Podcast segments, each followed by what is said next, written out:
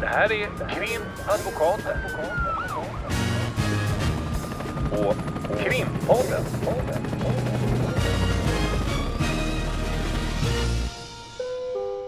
Parter och ombud kallas till sal 32.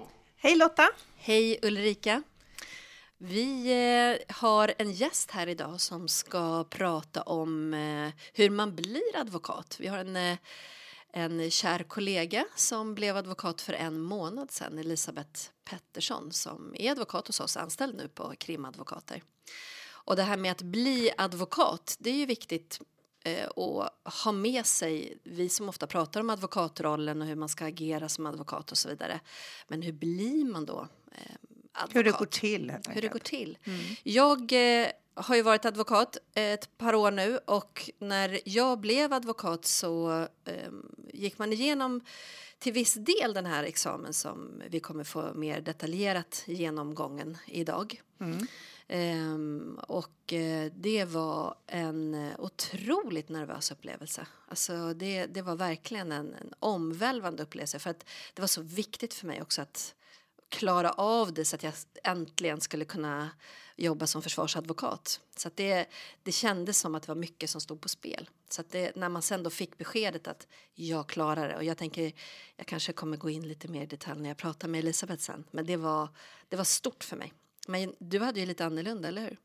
Ja, precis för att eh, eh det infördes, sa du, 2004, 2004. sa jag inte, men nu sa jag det. Nu säger vi det. Mm. 2004 infördes det här med advokatexamen och jag blev advokat innan dess och då var det på den tiden att man lite liknande av det vi kommer att få höra, nämligen att eh, man sitter ner tillsammans vid ett antal tillfällen med andra advokater som jobbar inom alla olika typer av, av verksamhet. De är ju inte advokater då, för de är ju djurkan, de har inte blivit det ännu. Och så får man eh, föredragningar om hur advokatetiken framför allt fungerar och hur man ska förhålla sig till den. Och det är både affärsjurister då och även de som jobbar på humanjuridisk byrå. Och så eh, får man händelseförlopp som beskriver en, en situation där man också kanske kan hitta ett par, tre, fyra stycken problem Ett i det här. case. Mm. Ett case kan man säga. Och sen diskuterade man det tillsammans och sen redovisade man för det. Jaha, i grupp? Alltså man ja, gick igenom det- Mm. precis. Man, eh, alltså det här är ju så himla länge sedan så jag kommer inte exakt ihåg. Men jag, jag ser framför mig hur vi sitter i grupprum. Men det kan ju vara, jag tror alltså det, nej, inte att man liksom redovisar det själv. För att mina minnen av när man gick på de här kurserna innan man sen blev advokat, då de är liksom inte att man var någon nervös. Nej. Och det eh, kommer ju, eh, det har ju du berättat om och det kommer ju Elisabeth berätta om också själv vid själva examen. Så något sånt hade vi ju inte då. Nej. Men sen infördes det och, och du har gjort det. Men det, vi, det vet ju vi också eftersom vi har ju tjuvpratat med Elisabeth så vi vet ju att den här advokatexamen också har finslipats Ja, och exakt. ändrats lite. Ja, den har ändrats lite med åren. Mm. Eh, men, och sen kan man ju säga det att en stor skillnad också från när både du och jag eh, gick igenom den här processen då för att få titeln. Det var ju också att vi hade vi var tvungna att ha jobbat i fem år. Nu är det att man har jobbat i tre år när man eh, kan börja liksom eh, ansöka till att bli advokat. Men eh, med det sagt så välkomnar vi vår gäst Elisabeth Pettersson. Tack snälla, vad kul att få vara här och gästa. Ja, ett år, ett år, en månad En månad, betydlig skillnad. som advokat. Hur känns Ja. det? Eh, Men det känns bra. Det är precis som du beskrev så var det ju någonting som var otroligt efterlängtat. För jag var ju precis som du inställd när jag redan började plugga juridik att jag ville bli försvarsadvokat. Och det är väl kanske den största skillnaden att man får ta uppdrag som offentlig försvarare när man blir advokat. Så det var också sådär otroligt mycket som stod på spel tyckte man eh, inför den här examen. Ja. Men då vill jag bryta in här för att jag vill ju veta hur det går till from the beginning att bli advokat. Om vi liksom skruvar klockan lite tillbaka. Du behöver inte börja med att ha gått på dagis och så, eller förskola som det heter nu. Men berätta för någon som inte riktigt vet hur det går till och sen att vi får höra lite mer om själva examensgrejen. Då. Men hur, hur går det till? Hur börjar man? Mm. Det börjar ju med att man givetvis måste gå juristprogrammet eh, och få juristexamen Eh, såklart. Och det är ju fyra och ett halvt år på universitetet och det, det har vi ju alla tre gemensamt att vi har börjat på den vägen. Eh, och det finns ju då lite olika universitet i Sverige som har den utbildningen, men det måste vara juristprogrammet och få en examen därifrån. Sen ska man ju då jobba tre år som biträdande jurist eller som jurkand som du säger. Eh, jag tror att det är en gammal titel jurkand. Jag tror man heter biträdande jurist nu. Det är en akademisk titel. Så kan det vara. ehm, då eh, jobbar man tre år på antingen på advokatbyrå och så kan man också sitta ting när man gör tingstjänstgöring på en domstol. Det har inte jag gjort så det kan jag inga detaljer om. Men man jobbar tre år på advokatbyrå eh, och under de här tre åren då, eller i vart fall innan man kan bli eh, advokat så ska man också då gå tre eh, delkurser som Advokatsamfundet anordnar. Eh, varav den sista av de kurserna, eh, den tredje, där gör man också ett skriftligt prov om konstitutionell rätt som man måste eh, godkännas på. Eh, och därefter så har man då en muntlig examen. Eh, och det är det här examenstillfället som eh, ni har pratat om innan, som man är otroligt nervös för. Men, Men, om vi, ja, precis. Nej, jag är vi- jätteintresserad av att veta när man går de där kurserna. Det sista sa du nu, men när, Ja. när går man de här kurserna? Gör man det liksom i slutet innan det blir precis tre år eller hur funkar det? och vad, vad handlar de om? Så beskriv dem. Liksom också. Nej, men man kan göra olika. Så, så länge man har gjort dem när man, när man ska få examen, eller advokattiteln. Eh, men jag gjorde så att jag spred ut dem, så jag gick en per höst. Så att jag liksom hade ett år emellan de här kurserna. Eh, för den första kursen är också väldigt viktig, även som biträdande jurist. För där går man igenom grundläggande etikfrågor. Så den tycker jag är bra att man går så tidigt som möjligt. Eh, men sen vet jag också att en del byråer inte låter sina jurister gå dem för snabbt och sådär. För de kostar ju pengar och så. Eh, Men, men jag gjorde så att jag spred ut dem så jag gick en per år. Så att jag hade varje höst liksom en, en sån. På grund av dina eminenta arbetsgivare som tyckte att det var viktigt just att du satte Exakt. igång med det här. Exakt. Och vilka är de då? Det är ju ni. har varit väldigt här. länge faktiskt. Ja, då måste vi vara noga med att säga att jag gjorde vi lite reklam för krimadvokater. Ja, nej, men Det, det- jag sitter gärna här och gör reklam för krimadvokater. För jag, jag har jobbat länge hos er eh, och det, det tycker jag är ett bra val av mig. Men bra val av er att rekommendera på det sättet. För att man behöver de kurserna och det blir också ganska mustigt att tala på slutet. Eh, så att jag spred ut dem. Första var advokatetik, andra var mycket mediarelaterat, mediaträning och så. Eh, och sen den sista var då konstitu- konstitutionella rätten där det också var ett skriftligt prov. Men Elisabeth, om vi stannar där, mediaträning. Mm. Beskriv, alltså på vilket sätt? Alltså hade ni media där och ni fick testa intervjuer? Den, just den så? kursen var faktiskt för mig på distans, för det var mitt under corona. Ah, Eh, intressant. Ja, så att den var lite, den var liksom på Teams. Ah. eh, men en av uppgifterna var att man hade då, att man fick eh, öva på en eh, fråga och Mm. så blev man intervjuad eh, av en journalist hur Mm. man skulle liksom bemöta, i och med att vi jobbar i ett yrke där man kanske ofta hanterar pressen. Mm. Alltså praktisk övning blir det. Ja, Var det så exakt. skjutjärnsfrågor då? Eller så att man, Man fick välja sin sig? egen fråga utifrån sitt eh, rättsområde. Okej. Eh, Mm. Så jag tror att jag valde någonting, att jag precis kom ut från en rättssal och det hade varit en häktningsförhandling och jag haft, Mm. hade en klient som blev häktad. Och så skulle jag uttala mig. Eh, och så fick man öva på det. Så det var en övning som var lite retorik, föreläsningar och sånt där. Och alla Mm. de här kurserna kan jag ju säga, alla tre är ju två och en halv dag. Mm. Eh, så det är ganska långa och stora kurser. Så det är inte bara att man sitter en timme och så är man klar med en kurs, utan totalt då har man ju gått två och en halv dag gånger tre Mm. eh, i de här utbildningarna.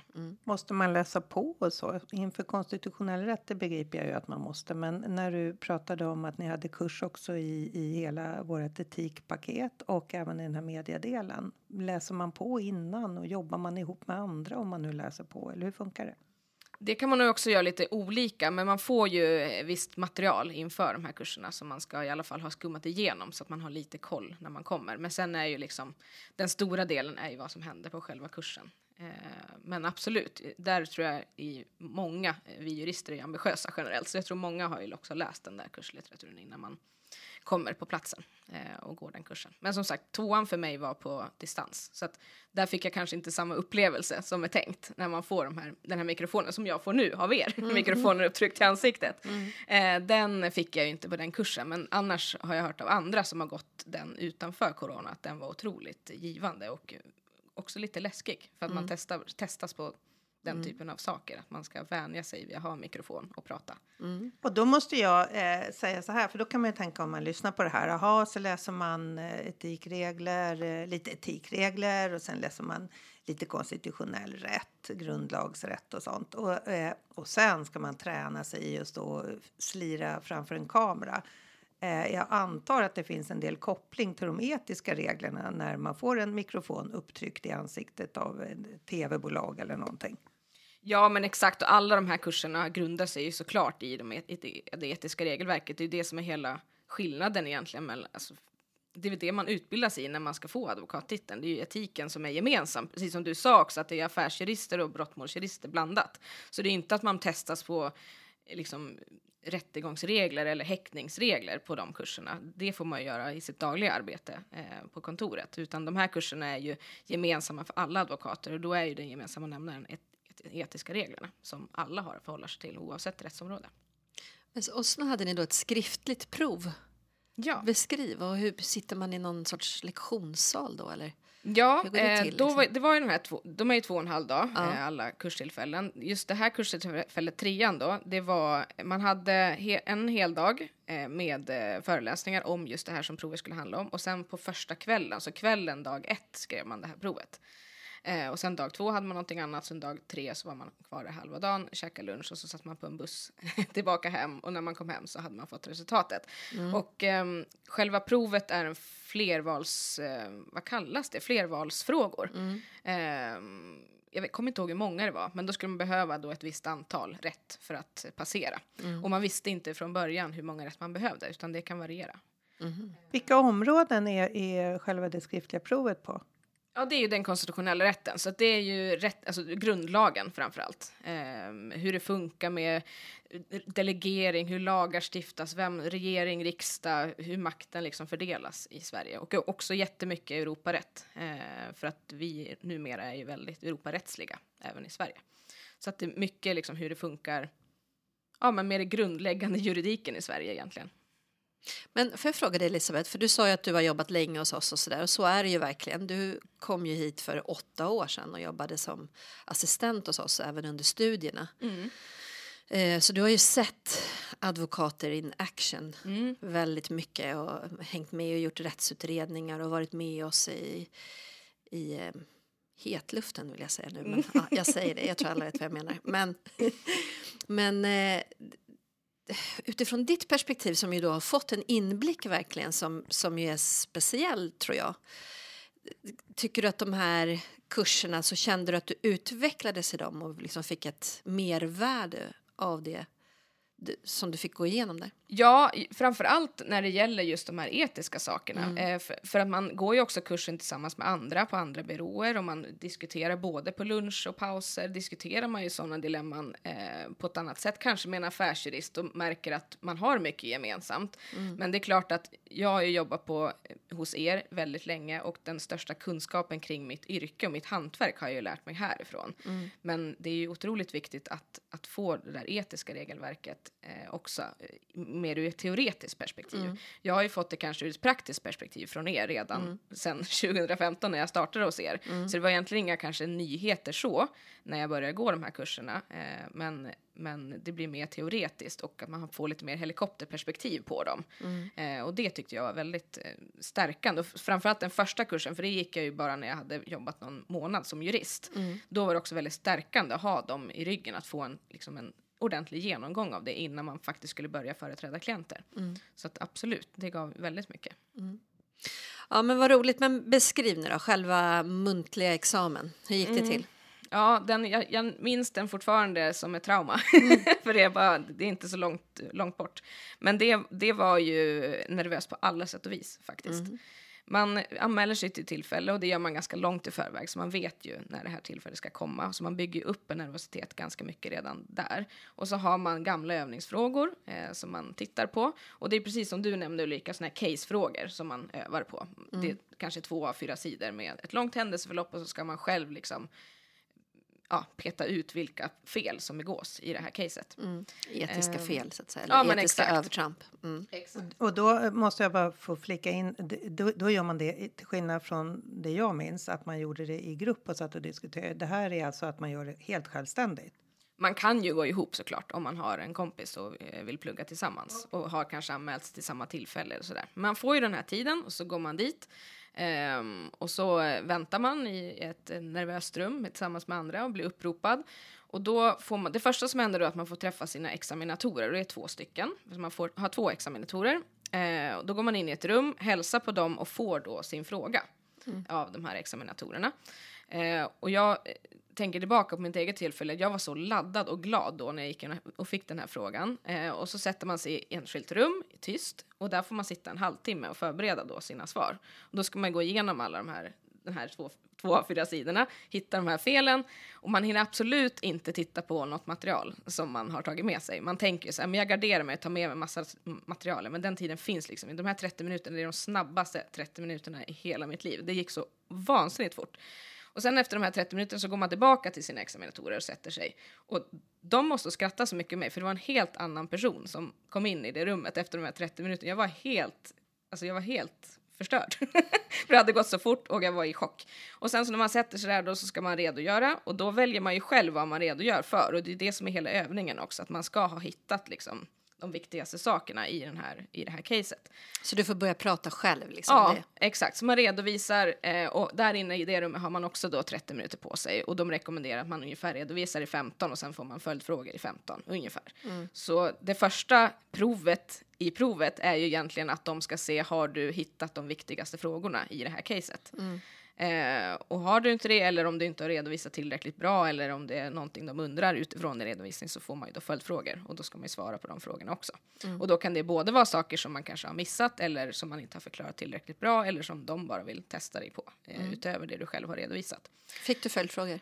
Jag fick några följdfrågor men jag kan jag har ingen aning vilka det var för det är total blackout. Så jag minns inte. Jag minns inte vad jag sa, jag minns inte vad de frågade om. Eh, men jag minns sen då, när man är klar med det här, då sätter man ju sig i ett väntrum och väntar till förbannelse tillsammans med alla andra nervösa eh, jurister som också väntar. Och visst är det så att då får man inte lämna det rummet? Därför Nej. att det är ju de här casen och man ska inte sprida. Exakt, för det är samma case hela dagen som de Ja. kör. Så då får man inte liksom gå ut i det här rummet och kanske skvallra till sin kompis som har tillfället efter mig till exempel. Så då sitter man där och väntar och de har lagt ut, de är så snälla på Advokatsamfundet så de har ju lagt ut så Uno och lite frågesport och grejer för att man ska jättegoda bullar och mackor och, men alltså man gör ingenting av det, man sitter bara och väntar. Och det är sån ångest i det rummet. Men sen spelar man- ingen Uno utan Ja, man bara... försöker, tror jag. Ja. I vissa fall kanske man försöker. Men de flesta kan liksom inte sitta stilla. De går runt och har ångest. Och, ja, det är hemskt. Ja, hur länge fick du vänta där då? Ja, vad blev det? Jag hade en morgontid och jag tror att man fick resultatet vid lunch någon gång. Så det var ju i alla fall ett par timmar, ett par tre timmar som man fick sitta där och vänta och pinas. Men sen blir man uppkallad igen eh, och får då komma tillbaka en tredje gång i det där rummet till sina examinatorer. Och då det första som händer när du öppnar dörren är ju att de står där med förhoppningsvis då ditt diplom, att du har klarat det. Eh, vil- vilket det var för mig, att jag klarade faktiskt på första försöket. Och då, Men vad då så att du kommer in där och då vet man, gick det inte ryktesspridning om så här att om de sitter ner vid bänken och Jo, det finns så mycket och- teorier. Det minns jag så att när jag gjorde det, för det gick till på precis samma sätt. ja. Då, då sa alla inne i det där när man väntade i det här rummet och inte fick gå ut. Jag kommer ihåg att jag, det var TV4 tror jag på någon tv-apparat här, så alla bara satt och stirrade in i tyst och Men vi bara hade ingen tv. Ja, men eh, och då så gick ryktet så här, ja, bara de inte säger att man ska sitta ner, för man får gå igenom det här rummet och så sitter det bara något podium längst in. Och så sa man, om de säger så här, att, ja, varsågod och sitt, då är det kört. Då har man missat och då är det så här, vi är jätteledsna, du måste träna mer på det här och så vidare. Och, så vidare. Ja. och då gick jag in där på darrande ben verkligen. Alltså hemskt, jag var så arg på mig själv att jag var som ett litet asplöv. Och sen så sa de, ja, Charlotte Wirén, varsågod och sitt här. Jag tänkte, nej, vad i helvete, vad är det jag missat? Och så var de så här tysta och bläddrade i papper. Ja, det var bedrövligt. Ja, Men då lät det som att de var lite mer elaka kanske på eran tid. För här var det väldigt fort att de... Men kanske det- också för att det är så många de ska hinna med så att de vill ha lite löpande band på det där. Men Jag tror att vi, ja nu är det ju fler gånger liksom, det var ganska många då. Jag, de, man kanske till och med har tagit bort hela det momentet, för det är såklart att det är lite roligt och sen självklart har du klarat dig. ja. Och då börjar man ju nästan, ja det var ju otroligt. eh, Nej, de drog inte ut på det alls för mig. Förutom den där väntan då i rummet såklart, den var ju svinlång. Men Ja. när du väl fick ditt namn uppropat då gick det väldigt fort. Eh, och då säger de någon mening liksom åt alla eh, specifikt och sen så får man gå med sitt papper. Men det kan ju Jaha, vara, så men, man får ingen feedback? Eh, alltså, om, då, om det är så här att... Ja, man får väl feedback om man inte har klarat det, antar jag. Du kanske behöver läsa på det här eller tänka på det här. Är det så? Jag vet ju inte det eftersom jag, jag känner ingen som inte har klarat det och jag klarar det också så jag vet faktiskt inte hur det blir om man inte eh, klarar det. Men det skulle ju kanske vara bra att få någon liten feedback. Men jag vet att de, de jag har hört om och även jag själv fick någon liten mening. För mig var det att ja men det här var ett enhälligt beslut, gratulerar ungefär. Nå någon sån kommentar bara. Eh, som man får. Men är- de har ju inte tid att gå liksom in och här har du svarat eh, sådär, den här svarar du jättebra på eller här har du missat eller sånt får man inte. Men då har vi ju gått Jag måste igenom bara säga, hälften. Ja, hälften. Jag tror ju så här att det är säkert min generations advokater som nu är de här som sitter och är prövnings. Så de har väl bara tagit bort hela den för att vi alla var helt skakis De efteråt. vet själva hur det Man vet hur det är. Så nu står man så här precis innanför dörren och bara du klarar det. så som man hade behövt själv liksom. Ja, Men som ja, sagt, det det, är ju bra. hälften av, av eh, tårtan. Eh, och då har du beskrivit hur man kan få den här examen. Då. Men sen får du gärna berätta, det är liksom inte att om, även om man har kommit över igenom nålsögat där så är ju inte det någonting som räcker för att man ska bli advokat. Nej, exakt. Då är ju själva ansökningsprocessen. Du är redo för ansökningsprocessen då när du har din examen. Och då skickar man in en ansökan eh, formellt, skriftligt till Advokatsamfundet. Och i den ansökan ska du eh, bifoga en himla massa saker eh, som bevisar din redlighet. Så det är mycket kring att du inte får ha gått i konkurs. Det ska vara att du inte eh, har överförmyndare, att du ska kunna sköta din ekonomi. Du ska också redogöra för din egen ekonomi, hur den ser ut. Och sen det, det som är viktigast och kanske tar också mest tid är att du ska ge en referenslista Eh, på de andra advokater som du har mött under din tid som biträdande jurist. Eh, oftast då i domstol i vårt fall, att man möter sina motståndare i domstol just när man jobbar med brottmål. Då lämnar man in en sån lista eh, och då kontaktar Advokatsamfundet dem eh, och ber dem att yttra sig över min lämplighet. Så får de svara till Advokatsamfundet och eh, tillstyrka, eller välja om de vill tillstyrka min ansökan. Eh, och sen så tar de hela den här ansökan när den är klar och när alla har fått yttra sig och allt det här när det räcker och då är det ett visst antal referenser som krävs också. Eh, och det tror jag, nu är inte jag expert på det, men jag tror att det kan variera i antal beroende på vilket rättsområde du jobbar med också. Att det är, vissa rättsområden kanske du möter väldigt få eh, advokater i ditt yrke. Eh, då ska inte det hänga på, på det. Eh, men i vårt fall så är inte det antalet så stort problem för man möter ju väldigt många advokater i, under de här tre åren. Eh, Men då prövar de den här ansökan och då gör man först det i regionala advokatsamfundets styrelsen. Så för mig då som hör till Stockholmsavdelningen så ska först Stockholmsavdelningen titta på min ansökan, vilket de gör under sitt sammanträde.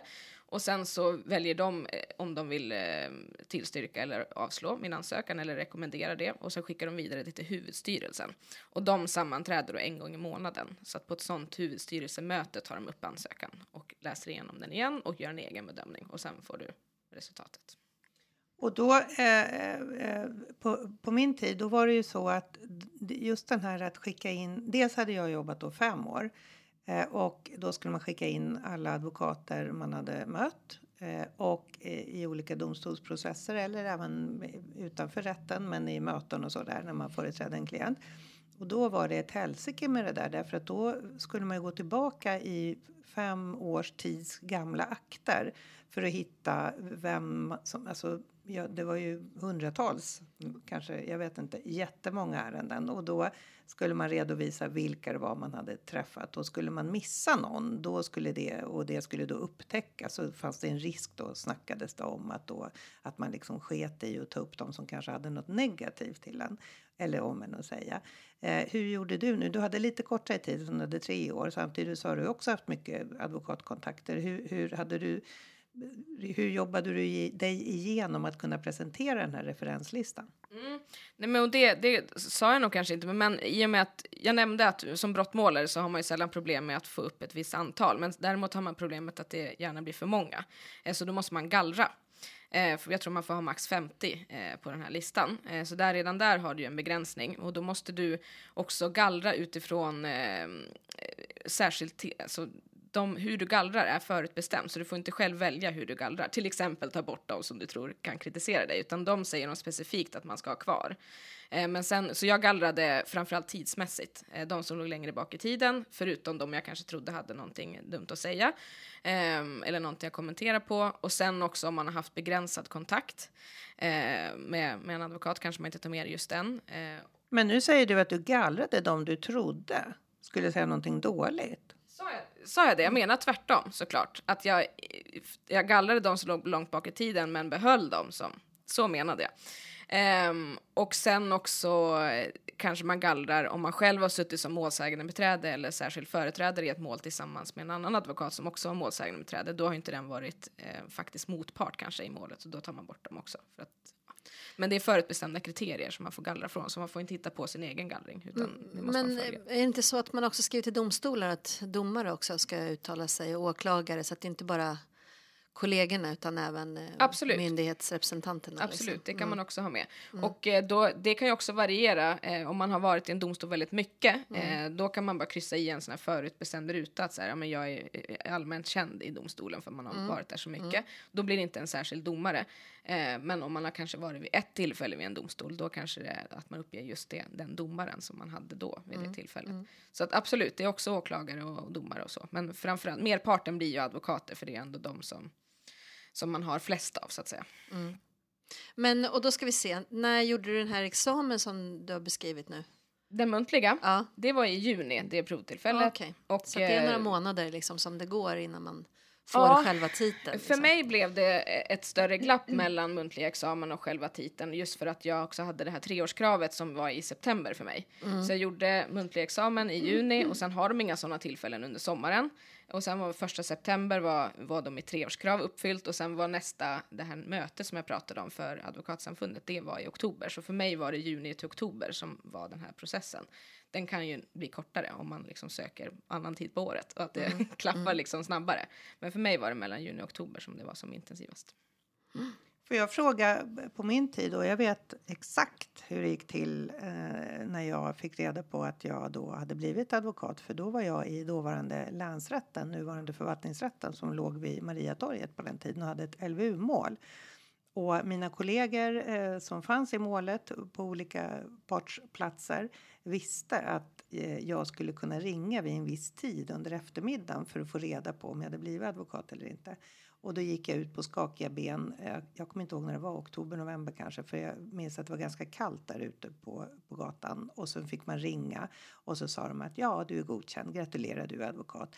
Och sen gick jag in och då hoppade mina kollegor på mig och frågade hur gick det, hur gick det? Och då sa jag, ja, jag klarade det. Och sen gick vi in i rättssalen och då går vi in i en rättssal och då är det inte något, något det ska inte snackas om det där. Så jag blev lite överväldigad av att det första en av mina seniora kollegor säger när vi kommer in i rättssalen det är att ja, nej, inte jurkand Ulrika Borg utan advokat Ulrika Borg till domaren. Så då blev det lite pinsamt tyckte jag. Samtidigt var jag ju väldigt glad. Hur går det till nu? Jag hade faktiskt tur, eller vad man ska kalla det, för jag hade faktiskt en eftermiddag på kontoret. Så på förmiddagen var jag på förhör och var jättenervös under det förhöret. Men eh, och sen på eftermiddagen så var jag här och väntade ut. Och precis som du sa, att man ringer efter ett vid, eh, viss tidpunkt, för då vet man att de har haft det här sammanträdet. Eh, och så ringer man och så får man beskedet på telefonen. Och jag hade det så härligt så alla de här fantastiska kollegorna vi har här på kontoret, de stod med en flaska bubbel utanför rummet. För jag gick in och stängde dörren och liksom ringde så att ingen skulle höra. Och sen så när jag kom ut så då stod de där ute och tjoho, och öppnade bubbel. Ja, vi tänkte ju då att går det åt pipan här, Ja, då är får det vi- gravbubbel. Då, då är det gravbubbel. ja, exakt. Och det är ju en stor tröst faktiskt, att man tänker så. Ja. För man vet det är ju mycket som det står på stel, spel som, som eh, ni säger. Och också väldigt jobbigt för att alla ens kollegor vet ju om att man ska ha det här provet. Och, och man vet också att det blir väldigt jobbigt eh, för en själv framför allt om man inte klarar det. Eh, Och då är det ganska skönt att ha eh, kollegor som er som säger så här, ja, ja, men vi köper bubbel så blir det gravbubbel om det går åt skogen. så bu- bubbel skulle drickas oavsett. Men alltså jag måste bara säga på tal om bubbel. Jag minns ju också precis när jag fick den här titeln och jag hade fått beskedet per telefon. Jag tror man ringde. Jag ringde nog till, till samfundet och så var det så här att ja, du har blivit. Ja, då skulle jag gå och köpa bubbel på systemet. Jag var ju jätte, jätteglad och gick iväg bara och eh, det var väl också i oktober tror jag. Så jag tog min jacka och bara sprang ner till systemet och glömde såklart plånboken med. Jag hade med mig kortet liksom, för det var ju ändå företagskortet, men inte mitt lägg. Eh, Det, det hade jag faktiskt inte en tanke på att jag skulle behöva lägget när jag gick till systemet. Så jag kommer ner till Systembolaget och säger så här, jag ska ha eh, champagne. Ja, då får jag se legitimation. och jag bara, jag har ingen legitimation. Jag har Ja. just blivit advokat! Ja, nej, jag sa inte det först för jag blev så paff. Jag var absolut över åldern att, att få köpa alkohol på systemet. Nej, men jag, jag har ingen legitimation, men, men jag får ju köpa alkohol. och då sa jag ingenting för jag tyckte det lät kanske lite förmätet. Så jag har precis blivit advokat. Då sa hon, ja, du måste legitimation, annars blir jag, jag blir av med mitt jobb om jag säljer alkohol till dig och du inte kan visa att du är över 20. Då säger jag, nej men snälla, jag har ju precis blivit advokat. Du sa det! jag tror jag var så paff så jag bara sa, tittade hon bara på mig och sa, ja det spelar ju ingen roll, jag behöver ju ändå veta hur gammal du är. Så alltså, jag, jag kunde bli advokat, men jag kunde inte handla alkohol på systemet. Ja. Var det därför du, eh, eh, nu med Elisabeth, eh, att det fanns bubbel redan innan? För att inte hon skulle springa iväg på Jag hanterar- systemet utan lägg. Exakt, jag hanterar alla mina trauman. Mm. Men då, är, är, är, då har vi fattat hur det går till. Eh, och då har ju du varit advokat nu en månad. Eh, har du börjat ta några försvararuppdrag? Ja, det har jag faktiskt. Och det är ju någonting som är väldigt, eh, som jag sa i början, det är ju det, är ju det som är det viktigaste eh, när man blir eh, advokat, att man får ta uppdrag som offentlig försvarare. Men jag tror också att det är nu för tiden när det ändå är lite ökade krav och sådär eh, på oss som företräder klienter så tror jag att det har större betydelse även i andra mål, att man får ta kanske mer avancerade mål som målsägande med träder, man får företräda barn i större utsträckning. Eh, så att nu för tiden tror jag advokattiteln har större betydelse vad gäller vilka uppdrag man får ta än vad det kanske var tidigare. Då kanske det bara var att säga, men nu får jag hoppa på och vara försvarare också.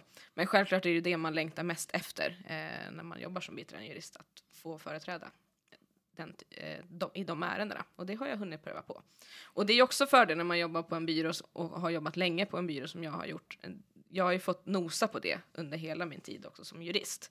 Eh, att jag har fått vara med i era mål och suttit och sett hur det går till. Och så det är ju ingenting som är man blir ju inte helt och hållet Bambi på halis, eh, utan man har ju ändå fått nosa på det lite innan så att man vet vad man ger sig in på eh, och har koll på läget, vilket jag tycker är oerhört bra och viktigt. För att det är, en, eh, det är mycket ansvar i, i den rollen.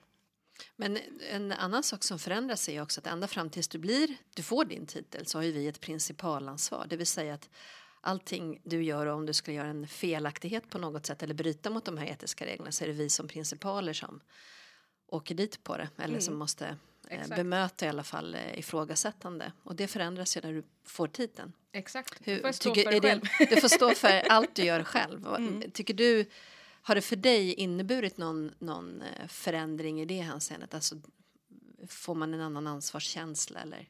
Alltså där kan man nog se på olika, åt olika håll samtidigt egentligen. Det är två tankar i huvudet samtidigt. Att det är ju eh, på ett sätt skönt att okej, om jag gör en miss så får, då, då är det jag som tar smällen. Det är ju skönt att ingen annan behöver ta en smäll för mig. Men såklart också åt andra hållet att, att nu är det lite, man är lite skraj att man är på helt egna ben. Man kan inte backa upp det med någonting. Men det är inte riktigt sant heller för mig, för jag kan ju fortfarande, såklart att jag gentemot samfundet får svara på det själv, men jag har ju jättemycket hjälp av hela tiden och kan fråga när jag är osäker. Och, så jag känner mig inte liksom så utelämnad och ensam som det kanske låter att man blir. Eh, men det kan jag tänka mig att man kanske gör på, eh, i andra situationer. Men jag har inte känt så. Då tänker jag att, att det är också så att när, när man själv får svara, alltså vem som helst kan anmäla en, en jurkand eh, på en advokatbyrå som har begått fel eller som misstänks ha begått fel. Och då blir det då principalen den som ansvarar för utbildningen och fortlöpande kontroll av den jurkanden som blir den som liksom får, får påföljden om det blir aktuellt med en påföljd. Eh, och, och nu är det ju du som får eh, din egen påföljd om man säger så, om det skulle bli aktuellt.